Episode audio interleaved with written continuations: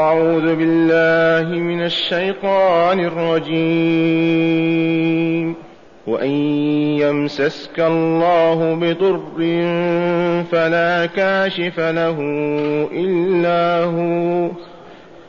وإن يمسسك بخير فهو على كل شيء قدير.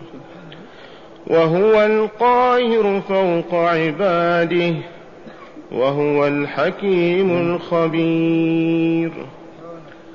قل أي شيء أكبر شهادة؟ قل الله شهيد بيني وبينكم.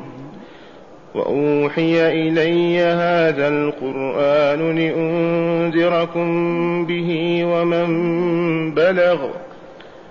أئنكم لتشهدون أن مع الله آلهة أخرى؟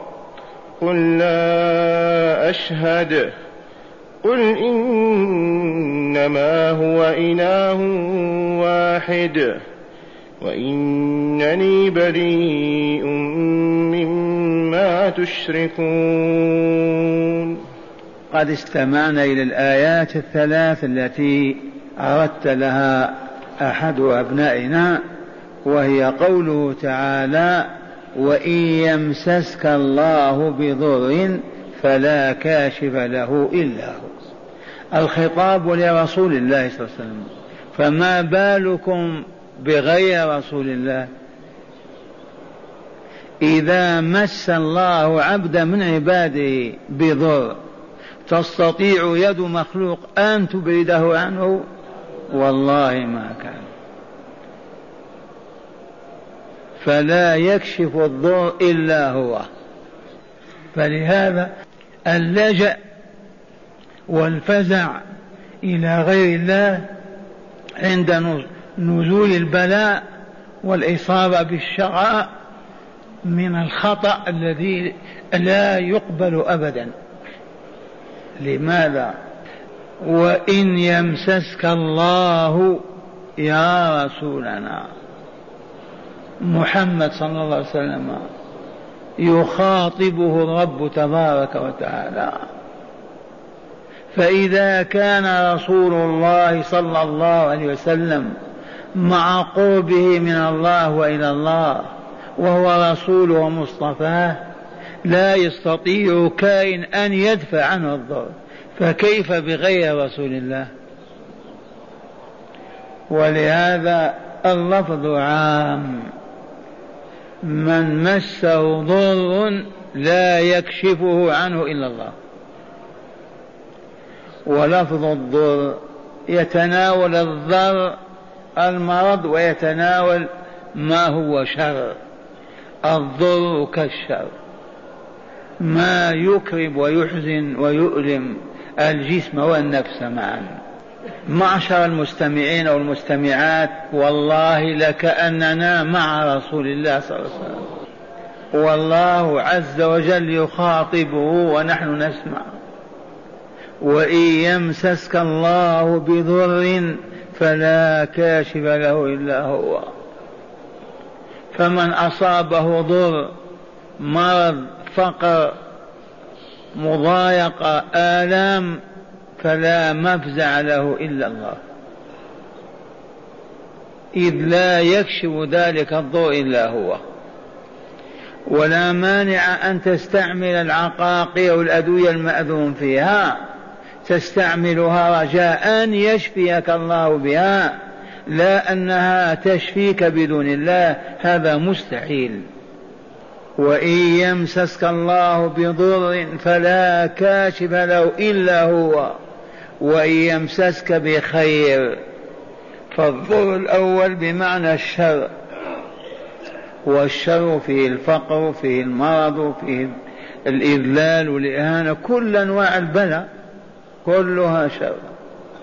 والخير يتناول ما يسعد به الجسم وتسعد به الروح.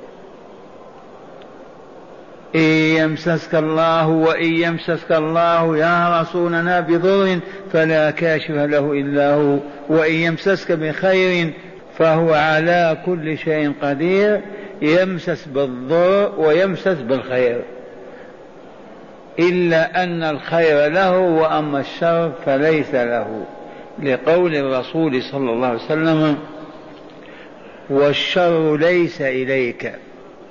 في أحاديث كثيرة تدل على أن الشر ليس إلى الله وإنما لله الخير. والخير بيديك والشر ليس إليك. فلهذا قال تعالى وإن يمسسك الله بضر فالضر هو الشر. ما يضر ما يؤلم ما يوجع من أي أنواع الأذى. والخير ما يسعد ويفرح ويسر من أنواع الخير. وهو تعالى على فعل كل شيء قدير. هو على كل ما يريد أن ينزله بعباده قدير. قدير على أن يكشف ضرهم وقدير على أن يضرهم. قدير على أن يمسسهم بالخير وقدير على أن يحرمهم الخير. إذا ما بقي لنا من نفزع إليه ولا نقبل عليه بوجوهنا ولا بقلوبنا ولا بألسنتنا. طالبين الخير طالبين البعد عن الأذى والشر إلا الله. والله كما تسمعون. فمن هداه الله وطلب الخير من الله نجا. ومن غفل أو جهل أو أعرض لكبريائه فهلك ولا فاز ولا سعد هذه الآية الأولى. وإن يمسسك الله بضر فلا كاشف له. أي لذلك الضر إلا هو. من هو هذا الضمير؟ الله. وإن يمسسك بخير فهو على كل شيء قدير. وإن يمسسك بخير من يرده؟ من يصرفه عنك؟ والله لا أحد. كقوله وإن يريدك بخير فلا راد لفضله. وقوله وهو فهو على كل شيء قدير كل شيء يريده فهو قادر عليه بل قدير لا يعجزه شيء. هذا الذي يستحق أن يؤله إلا الأصنام والأوثان والشهوات. هذا الذي يستحق أن يوالى ونطلب ولايته ونسأل أن يحققها لنا وإن عادانا الإنس والجن كلهم أم غير الله؟ هذا هو ولي المؤمنين وولي المتقين. هذا الذي تطلب ولايته لو قال ولايتي لا تنال إلا بالبكاء طول الحياة لبكينا طول الحياة. لو قال ولايتي لا تنال إلا بالجوع أبدا لطلبنا الجوع أبدا. ولكن أرفق بنا وأرحمنا وخفف الحمل عنا وقال ولايتي تنال فقط بشيئين. بالإيمان بي وبما أمرتكم أن تؤمنوا به أولا وبتقواي ثانيا أي بعدم معصيتي والخروج عن طاعته وذلك بفعل المأمور وترك المنهي. ألا إن أولياء الله لا خوف عليهم ولا هم يحزنون. من هم يا رب أولياؤك الذين لا خوف عليهم ولا هم يحزنون.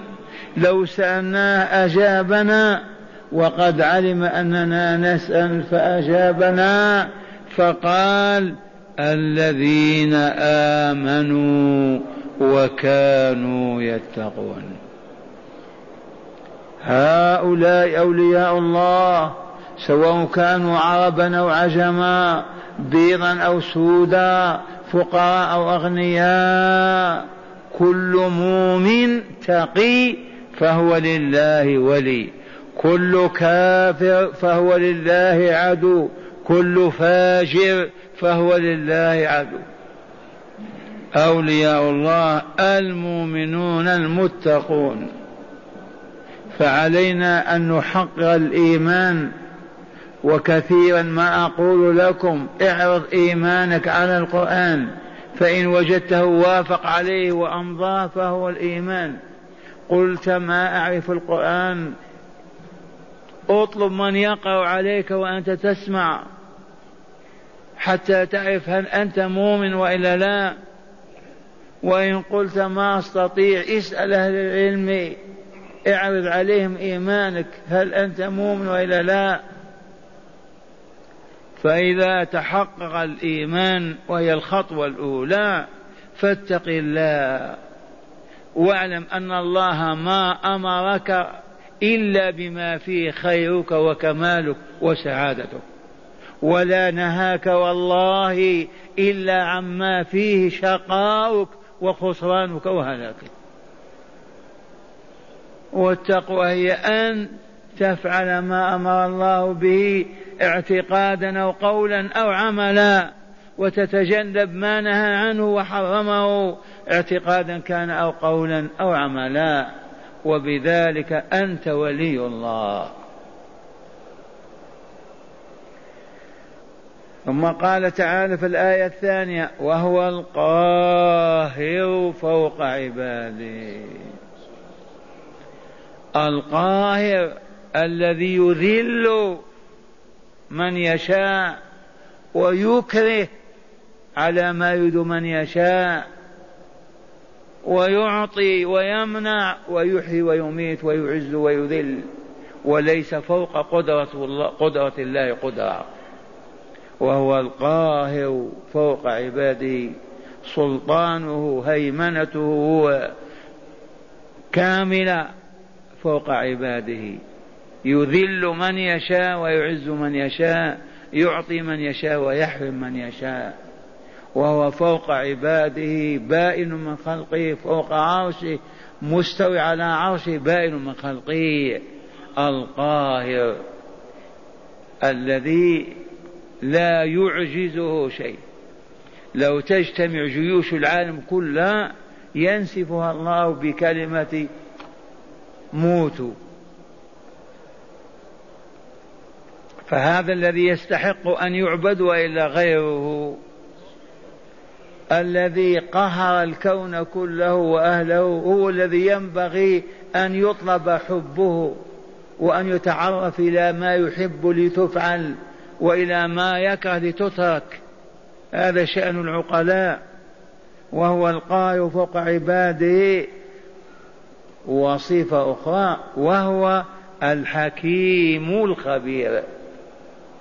جبار عظيم قاهر ولكن لو ما كانت له حكمة كان يهلك المصلحين مع المفسدين. لو ما كانت له حكمة جبروت قوة وعظمة ويقول شيء كن فيكون بدون حكمة إذا يهلك الأبرار الصالحين ويبقي على الفجار الفاسدين. لكنه الحكيم. الذي لا يضع شيئا إلا في موضعه. كل ذرات الكون كل ما هو موجود في العلو والسفلي ما يوجد شيء إلا لحكمة أرادها الله عز وجل. وثانيا الخبير. لو كان لا علم له عنده حكمة لكن ما يعرف أين يضع هذه الحكمة. لكن أضاف إلى الحكمة الخبرة التي يعلم بها كل شيء ظاهرا وباطنا. هذا الذي ينبغي أن نحبه وإلا لا؟ هذا الذي ينبغي أن نطلب محابه لنفعلها؟ هذا الذي ينبغي أن نبرأ ونتبرأ من كل معبود سواه؟ هذا الذي يجب أن نتحاب فيه ونتباغض من أجله. أما تلك الأوثان تلك الأصنام أما عيسى ومريم أما العزير وفلان أما عبد القادر وسيدي فلان كل هؤلاء ليسوا بأهل لأن يعبدوا مع الله. ما هم بالقاهرين فوق العباد ولا هم بالحكماء ولا بالخبراء ولا بأهل القدرة على كل شيء فكيف إذا يعبدون مع الله؟ هذه الآيات مزقت قلوب المشركين. الآية الثانية يقول تعالى قل أي شيء أكبر شهادة. جاء المشركون يمثلهم وفد وقالوا يا محمد أهل الكتاب لم يعترفوا لك بالنبوة لم يشهدوا لك بها. إذا ما أنت بنبي؟ من يشهد لك؟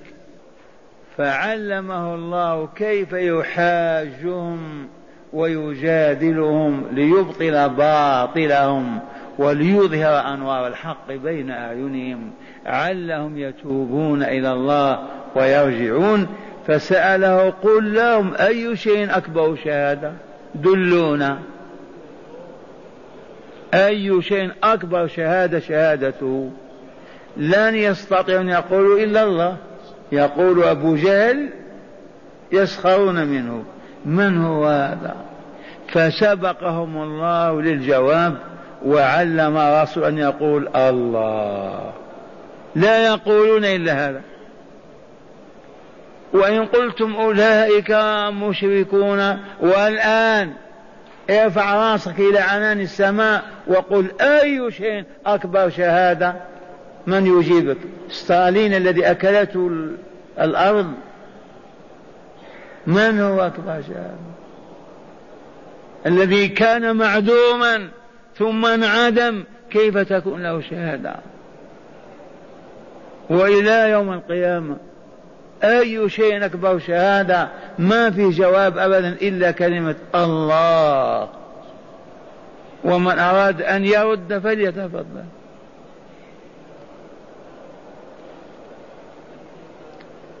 قل الله شهيد بيني وبينكم وأوحي إلي هذا القرآن لأنذركم به. ما قال وأوحى إلي قال وأوحي إلي هذا القرآن لأنذركم به ومن بلغ. كلمة ومن بلغ قال ابن عباس كل من يسمع القرآن كأنه يسمعه من رسول الله صلى الله عليه وسلم. كل من يقرأ القرآن في العوالم كلها إلى يوم القيامة ويسمعه كأنما يسمعه من رسول الله صلى الله عليه وسلم. إذ لم يتغير فيه لفظ ولا حرف واحد. ولهذا الذي بلغه القرآن هو الذي يعذب أو يرحم والذي ما بلغه قد يعذر الذي ما بلغه القرآن يعذر والذي بلغه فأبى أن يؤمن وآثر الدنيا وشرها وفسادها فهو هالك مع الهالكين. ومن بلغ. فلهذا يجب على المؤمنين أن يبلغوا القرآن للعرب والعجم للأبيض والأسود في العالم. ولا يحل أبدا أن يتخلى جيل من أجيالنا في قرن كذا أنه لا يبلغ دعوة الله. وهنا أيضا لطيفة أخرى ما هناك ما هو أعظم من كتاب الله في هداية الخلق؟ لو تحمل إليهم كتابا من عندك وكلام من عندك لا يجدي ولا ينفع. لا بد من قال الله قال رسوله. حتى يعلموا أن هذا كلام الله وقول الله. خالق السماوات والأرض والعالمين. قل أي شيء أكبر شهادة؟ أجب يا رسولنا لأن الجواب معلوم. يستطيعون يقولون غير الله؟ إذا اسبقهم. قل الله شهيد بيني وبينكم. شهيد بيني وبينكم شهيد على دعوتي وعلى رفضكم إياه وإدباركم عنها. شهيد على من استجاب وقبل دعوة الحق ووحد الله وعبده وعلى من أنكر ذلك وأصر على شركه وكفره. وهذه الشهادة لها قيمتها وإلا لا يوم الجزاء يشهدون على أنفسهم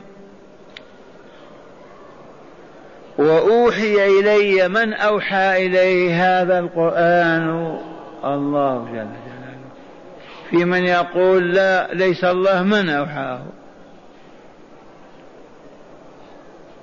وإلى الآن عجزت البشرية على أن تدعي أن القرآن ليس بوحي الله ولا كلامه. سواء كانوا أهل كتاب أو كانوا مشركين. عجزوا مثل هذا الكلام لا يمكن أبدا أن يصدر عن غير الرب عز وجل. لا سيما إذا سمعته من أوله إلى آخره. من يتكلم بهذا الكلام؟ والوحي والإيحاء فسرناه مرات وطرق الوحي ثلاثة. قال تعالى وما كان لبشر أي إنسان ذكر أو أنثى لكن هنا الذكر. وما كان لبشر أن يكلمه الله إلا وحيا أو من وراء حجاب أو يرسل رسولا فيوحي بإذنه ما يشاء. ما كان لبشر أن يكلمه الله شفاء كفاحا وجها لوجه. زيد إلا وحيا أو من وراء حجاب أو يرسل رسولا.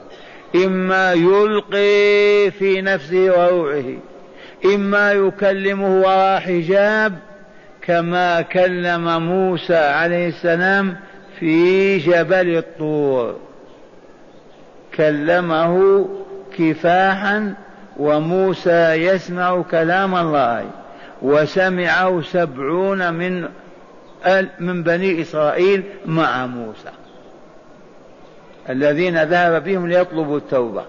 ومع هذا لما سمعوا كلام الله قالوا نريد أن نراه. فأخذتهم الصاعقة وهم ينظرون. إذا أو يرسل رسولا وهو جبريل عليه السلام. والقرآن الكريم جاء به جبريل آية بعد أخرى وصورة حتى اكتمل. وراجع الرسول فيه كل سنة في رمضان يعرضه عليه.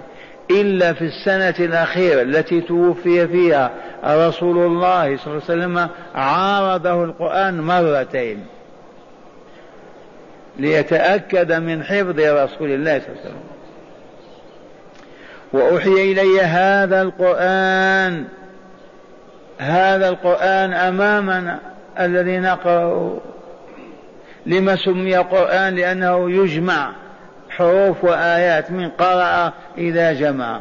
ويقال فيه الفرقان لأن الله فرق في بين الحق والباطل. وهو كتاب الله الذي أنزله على رسوله صلى الله عليه وسلم. وأوحي إلي هذا القرآن لأي شيء لأنذركم به. الإنذار ما هو؟ أن تصيح يا أهل القرية ادخلوا منازلكم. إن عدو أحاط بكم. يا أهل البلاد كفوا كذا هذا الإنذار. لأنذركم به من أن ينزل بكم عذاب الله ونقمه في الدنيا والآخرة. لأنذركم به من الاستمرار على الشرك والباطل والجاهلية. لن تكملوا ولن تسعدوا ولن تعزوا أبدا. ومآلكم الدمار والخسران الإنذار التخويف بما يتوقع وقوعه ونزوله. ومن بلغه القرآن كذلك. فلهذا أعيد القول. أجمعوا على أن من لم يبلغه القرآن فهو غير مكلف. ومن هنا وجب على المؤمنين أن يبلغوا كتاب الله الشرق والغرب.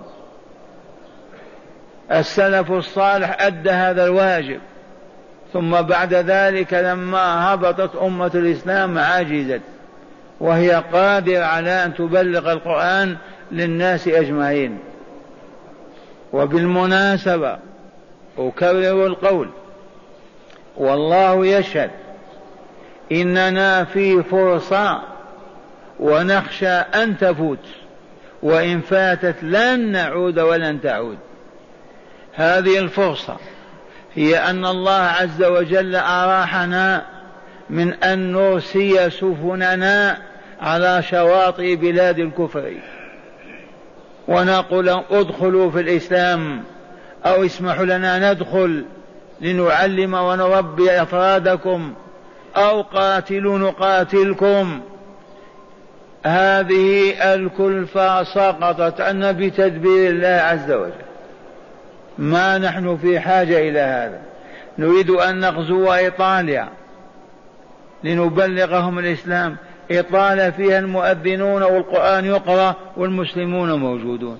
ولا قال لأحد لا تقول لا إله إلا الله. نغزو فرنسا.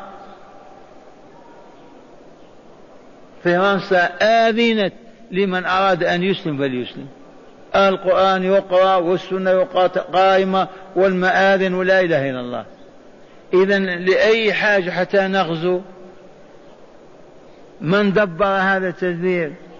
الله جل جلاله وعظم سلطانه. إذا الذي بقي أن على المسؤولين ونبدأ بالمؤتمر الإسلامي الأعلى. هذا في كل الدول الإسلامية تشهده. على الرابطة وعلى المؤتمر الإسلامي أن يكونوا لجنة مؤمنة يشارك فيها كل بلد من بلاد المسلمين بعالم من علمائه. وهذه اللجنة لما تتكون تبعث إلى البلاد الكافرة فتزور المراكز الإسلامية. والمساجد الإسلامية والمدارس الإسلامية من أمريكا إلى الصين أو اليابان. وتضع خريطة لتلك المساجد والمدارس والمجالس. وتصبح بين يديها كل تلك الجاليات الإسلامية. وتقدر حاجياتها بكم تساوي. حاجياتها الإمام والعالم المربي وبناء المسجد أو المدرسة. وتضع ميزانية تضربها على كل مؤمن بالغ في العالم الإسلامي. وتتولى نشر الإسلام بهذه الطريقة. وعليها أن توحد كلمة المسلمين فتختفي المذهبية نهائيا. مسلم فقط. وتعلم أولئك المسلمين الآداب الرفيعة والأخلاق الفاضلة والعقائد الربانية الصحيحة ويصبحون كالأنوار في تلك الديار المظلمة. فلا يزال ذاك النور ينتشر والكفار يدخلون في الإسلام حتى تزدهر تلك البلاد بالإسلام. وعندنا وعد عن رسول الله أن سوف يبلغها هذا النور. وهذا الطريق من أسلم الطرق. وبذلك تبرأ ذمتنا. لو كان ما هو مسموح للإسلام يدخل أمريكا ولا الصين ولا اليابان ولا ولا نقول ماذا نصنع؟ عاجزون ما نقوى على الجهاد. لا قدرة لنا. هذا العذر باطل. البلاد مسموحة مفتوحة لكل المؤمنين. فقط يجب أن تتحد كلمتنا ويتحد الكتاب الذي نعلمه والمعلم المربي الذي يعلمه. لأن الفرق والخلافات تزيد الطين بلة. ما نريد هذا. هذه لم ما تبلغونها على الرابطة والمؤتمر الإسلامي أن يعقدوا جلسة يتخذون فيها قرار بإيجاد لجنة عليا للدعوة الإسلامية في العالم. هذه اللجنة ماذا تصنع؟ أولا ترسم خريطة لكل الجاليات الموجودة في العالم الكافر فتعرف عددها ومقدارها وحاجاتها. ثم تضرب على كل مؤمن بالغ. ريال في السنة وإلا في الشهر بحسب الميزانية العظمى التي تتخذ. وسرا وبلا تبجح ولا بكتاب في مجلة ولا على صحيفة. ثم تأتي بالمربي الذي يحسن التربية على حسابها. يجلس في المسجد تعطيه الكتاب الذي تتحد عليه كلمة المسلمين ولا يختلفون. وهكذا نكون والله قد أدينا واجب الجهاد. ولا يمضي ربع قرن إلا والإسلام قد انتشر في العالم. قال وأوحي إلي هذا القرآن لأنذركم به ومن بلغ. ثم قال تعالى أئنكم لتشهدون أن مع الله آل أخرى. ينكر عليهم يعتب عليهم ماذا يصنع يوبخهم. أئنكم لتشهدون أن مع الله آل أخرى؟ كيف نشهد أن مع الله آل أخرى؟ نعم هذا يعبد اللات وهذا العزى وهذا منات وهذا سيدي فلان وهذا فلان. هذه شهادة عملية ولا لا؟ شهادة عملية. الذين يعبدون عيسى ويؤلهونه ما عبدوا مع الله. وهكذا. كيف تشهد أن مع الله آلهة أخرى؟ بأي علم تشهد؟ أليس الشهادة تقوم على العلم وإلا لا؟ بالبصيرة والقلب معا. يعلمه ببصيرته ببصره وببصيرته. أئنكم يا للأسف تشهدون أن مع الله آلهة أخرى والدليل أنكم تدعونها وتذبحون لها وتتقربون إليها. وأنت يا رسولنا قل لا أشهد وإن شهدت الدنيا كلها. بآلهة غير الله أنا لا أشهد. ونحن والله لا نشهد أبدا أن مع الله آلهة أخرى والله لا يوجد من يستحق الإلهية والعبادة مع الله. ولهذا ننكر على كل من عبد غير الله ونبين له أنه أشرك بالله وأنه عبد غير الله وأنه شهد بالباطل ولم يشهد بالحق. وشهادة الحق هي لا إله إلا الله. محمد رسول الله صلى الله عليه وسلم. قل لا أشهد يا رسولنا. بعدما وبخهم وقرعهم أئنكم لتشهدون مع الله آل أخرى. قل أنت يا رسولنا أنا لا أشهد أبدا أن هناك إله مع الله. قل إنما هو إله واحد. هذا التقرير العجيب. أولا وبخهم على شهادتهم بأنه يوجد مع الله آله ثانيا قال للرسول أن تقول لا أشهد. ثالثا قال قل إنما هو إله واحد كيف نشهد؟ فين الاثنين أو الثلاثة أو الأربعة؟ ما هو إلا إله واحد وإني بريء مما تشركون. وهذا الموقف يجب أن يقف كل مؤمن ومؤمنة. لا نقر ولا نعترف أبدا بوجود من يعبد مع الله بأية عبادة وبأية صورة من أنواع العبادة. لماذا؟ لأنه لا يستحق أن يعبد إلا الله. لا إله إلا الله. عرفتم هذه الآيات العلم المك المكية ماذا تصنع؟ تقضي على الشرك وأهله. واسمعوا الآيات بالشرح الذي في الكتاب. قال ما زال السياق في توجيه الرسول صلى الله عليه وسلم وتقوية موقفه من أولئك العا من أولئك العادلين بربهم غيره من الأوثان والأصنام. أولئك العادلين بربهم المشركين به فيقول له ربه تعالى وإن يمسسك الله بضر فلا كاشف له إلا هو. أي إن أصابك الله بما يضرك في بدنك فلا كاشف له عنك بإنجائك منه إلا هو جل جلاله. وإن يمسسك بخير أي وإن, وإن يريدك بخير فلا راد له. فهو على كل شيء قدير. والخطاب وإن كان موجها للرسول صلى الله عليه وسلم فإنه عام في كل أحد فلا كاشف للضر إلا هو ولا راد لفضله أحد ومع ذا ومع كل أحد. وقوله تعالى في الآية الثانية وهو القاهر فوق عباده وهو الحكيم الخبير.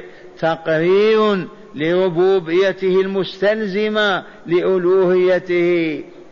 هذا المعنى خفي عن بعض المستمعين. الربوبية مستلزمة للألوهية. ما دام ربا يجب أن يكون إلها ومن لم يكن ربا لا يكون إلها أبدا.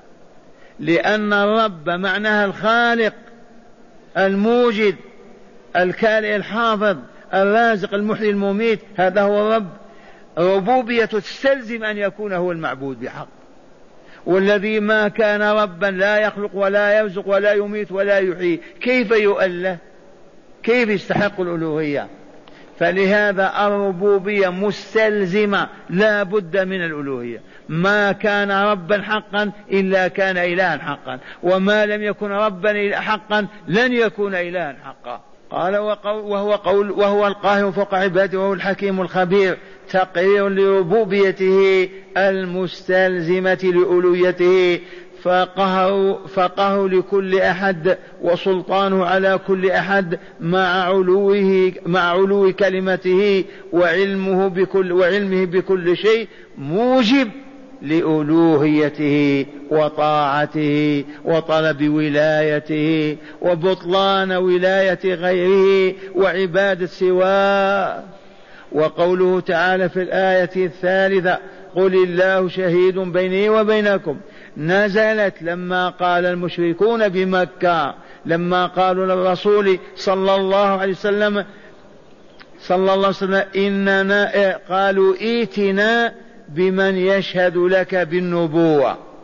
ائتنا بمن يشهد لك بالنبوة فإن أهل الكتاب أنكروها ولم يعترفوا بها. قال فأمره ربه تعالى أن يقول لهم ردا عليهم أي شيء أكبر شهادة؟ ولما كان لا جواب لهم إلا أن يقولوا الله أمره الله أن يجيب بنفسه. الله. قل الله شهيد بيني وبينكم فشهادة الله تعالى لي بالنبوة إيحاؤه إلي بهذا القرآن الذي أنذركم به. أكبر شهادة هذه وإلا أيوحي إليه كتاب ولا يكون رسوله؟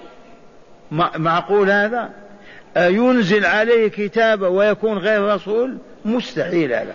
هذه وحدها شهادة كافية المعجزات كافية الكتب الإلهية متوفرة التوراة والإنجيل كلها شاهدة. أهل الكتاب يشهدون ويعرفون. قال وأنذر كل من بلغه وسمع به بأن من بلغه ولم يؤمن به ويعمل بما جاء فيه من العقائد والعبادات والشرائع فإنه فإنه خاسر لنفسه يوم القيامة.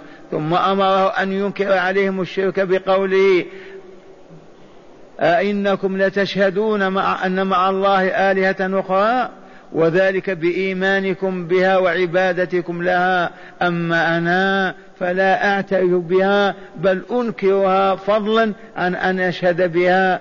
ثم أمره بعد إنكار آلهة المشركين أن يقرر ألوهية الله وحده وأن يتبرأ من آلهتهم المدعاة فقال له قل إنما هو إله واحد وإنني بريء مما تشركون. هداية الآيات. أولا وجوب اللجاء إلى الله تعالى دون غيره من سائر خلقه إلا يكشف الضر إلا هو. ثانيا شهادة الله تعالى لرسوله بالنبوة وما أنزل عليه من القرآن وما أعطاه من المعجزات. ثالثا نذارة الرسول بلغت كل من بلغه القرآن الكريم إلى يوم الدين إلى يوم القيامة.